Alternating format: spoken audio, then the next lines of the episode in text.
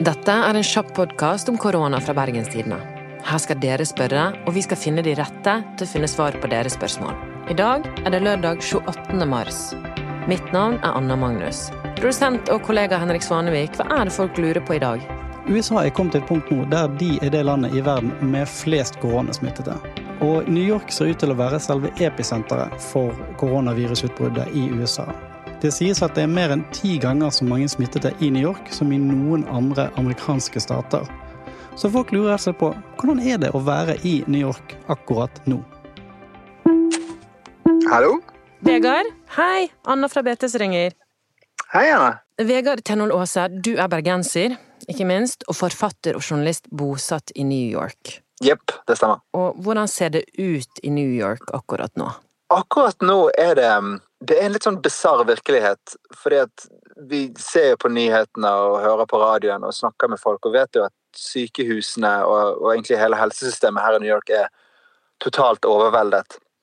Det er et sykehus ikke så forferdelig langt herfra, jeg bor i Brooklyn, da, som, som, heter, som heter Elmhurst, der de nå har det er, liksom, det er liksom ground zero, som de kaller det. Der har de måttet kjørt inn kjølebiler for å frakte lik og, og doktorer jobber 24 timer i døgnet, og, og det er helt katastrofe. Men, men, men, samtidig så er det har våren begynt å komme.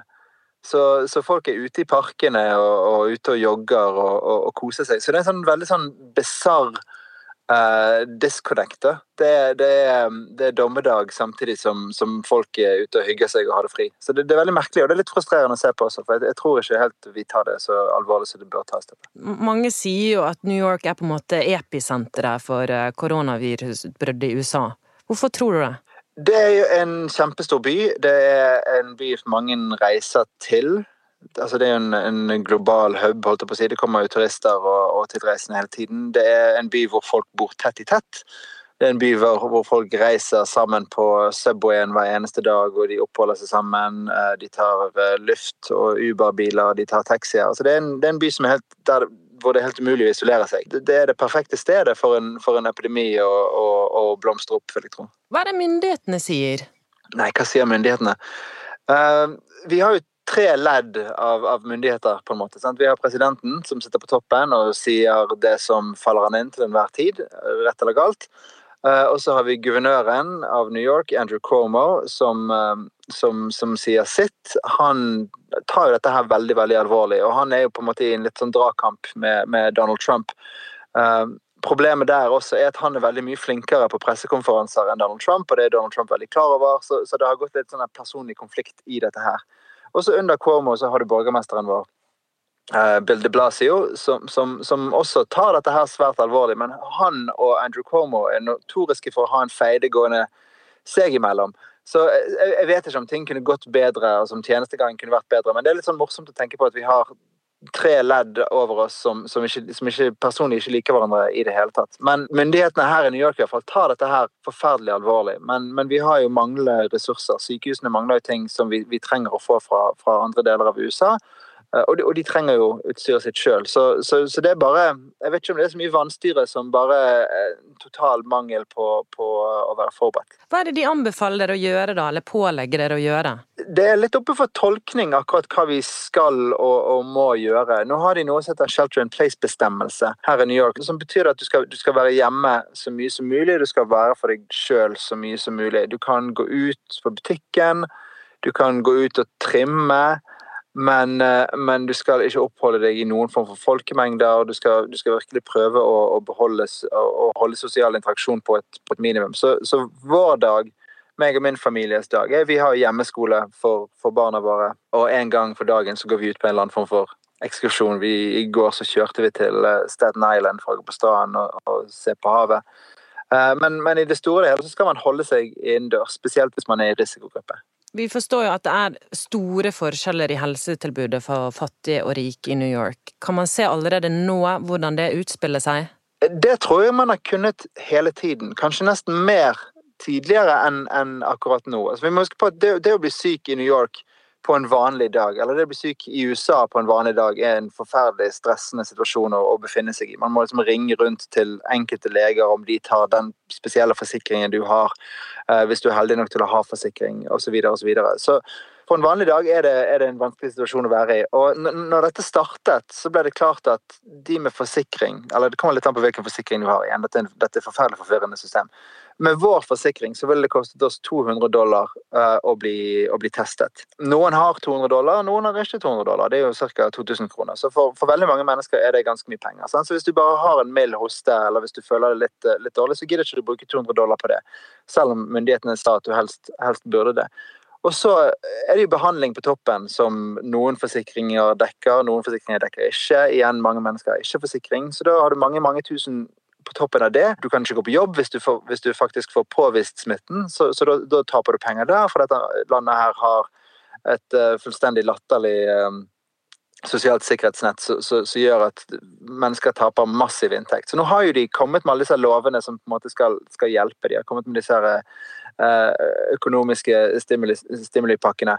Men de er jo veldig pussige og veldig sånn utpreget amerikanske, de også. Altså Hver amerikanske skattebetaler selvfølgelig behovsprøvd, skal få en sjekk på maks 1200 dollar. Uh, og det skal liksom fikse det. Så du kan tenke deg hvis du mister jobben din, eller hvis ikke du kan jobbe, uh, og du har ikke inntekt, så kommer myndighetene med en sjekk på 10 000, og det, og det, er de pengene du har. Så er ikke det nødvendigvis så veldig mye, det heller. Sant? Her i New York så ville ikke det dekket noe som helst omtrent. Så, så det, hele det amerikanske systemet er ikke laget for å håndtere dette i det hele tatt. Og jeg tror det er derfor du ser både Trump og guvernør Cuomo driver og rasler med sabler at nå vil de ha økonomien i gang igjen, og nå, nå er det på tide å begynne å åpne, og uh, kuren kan ikke være verre enn en sykdommen osv. osv. Det er ikke laga for, for, for, for, denne situasjonen her i det hele tatt. Men um, Vegard, du og din familie tar jo forhåndsregler, men opplever du at eh, folk rundt deg også gjør det? Ja, i hvert fall i dette nabolaget her, igjen, altså vi tar jo forholdsregler, så vi er ikke så veldig mye rundt på farten. Altså Nå sitter jeg i bilen min ute i gaten, og jeg ser jo ikke en sjel. Det er stort sett bare Amazon sine leveringsbiler som beveger seg rundt i gatene. Men samtidig så var jeg ute i går på en joggetur, og da jogget jeg gjennom parken, og den var smekkfull. Uh, og da var det ikke folk som var uh, her, er, her er det seks fot. Hva er det som er den norske anbefalingen? To meter? Ja. Har vi, har vi noe sånt? Ja, da, da, folk var i hvert fall ikke to meter fra hverandre. Så jeg tror folk tar det alvorlig i, i vurderende grad. Det var jo Forrige uke så, så, har USA det de kaller spring break, der um, universitetselever um, tar en uke fri og, og, reiser til en eller annen sydlig by og feirer og drikker og hoier. Og det var jo fortsatt tusenvis av de som insisterte på å gjøre det fordi at fest er fest, liksom. Så det, det, er klart at det kommer litt an på hvem du er. Uh, alvorlig det tar. Unge mennesker tenker ofte at dette ikke kommer til å treffe de, og så tenker ikke de på at de kanskje kan smitte andre. Så mennesker er jo mennesker, er jo mennesker sant. Mm. Har dere lyst til å komme hjem? Uh, ja, vi begynner nå å se ganske alvorlig på om vi skal, vi skal komme hjem. Uh, vi personlig er jo ikke så forferdelig redde for å bli smittet, men vi har ikke lyst til å spre smitte. Og så er det jo det at et fullstendig over, overbelastet, nesten kollapset helsesystem Plutselig så får du en blindtarmsbetennelse, eller så knekker du en fot, og så må du på sykehuset. Så, så, så står du der. sant? Så vi begynner jo å kjenne på det at um, kanskje, kanskje, Norge ikke er så veldig dumt akkurat nå. Hvordan skal dere komme dere hjem? Jeg tror det går fly. Vi, vi snakket med en venninne på ambassaden i, i, går, og vi vet at UD eh, har et samarbeid med nordiske land der på en måte det, det er meningen å få, å få nordiske borgere hjem. Så jeg tror du flyr inn til Stockholm, og så og så er det litt sånn spesielle karanteneregler, sånn at du får lov til å reise rett hjem til, til ditt respektive land. Så jeg, jeg, tror det skal være mulig. Det er jo ikke, er ikke gitt vekk, da. Men eh, hjem skal vi nok eh, klare å komme oss. Vegard, veldig lykke til uh, hos dere. Takk, det samme. Jeg tror vi alle trenger det. Ha det godt. Ha det fint. Vi er tilbake på mandag med et nytt spørsmål. Følg med på BT sin løpende koronadekning på bt.no. Mitt navn er Anna Magnus, og produsent var Henrik Svanevik. Lurer du på noe, send meg en e-post på anna.magnus.bt.no.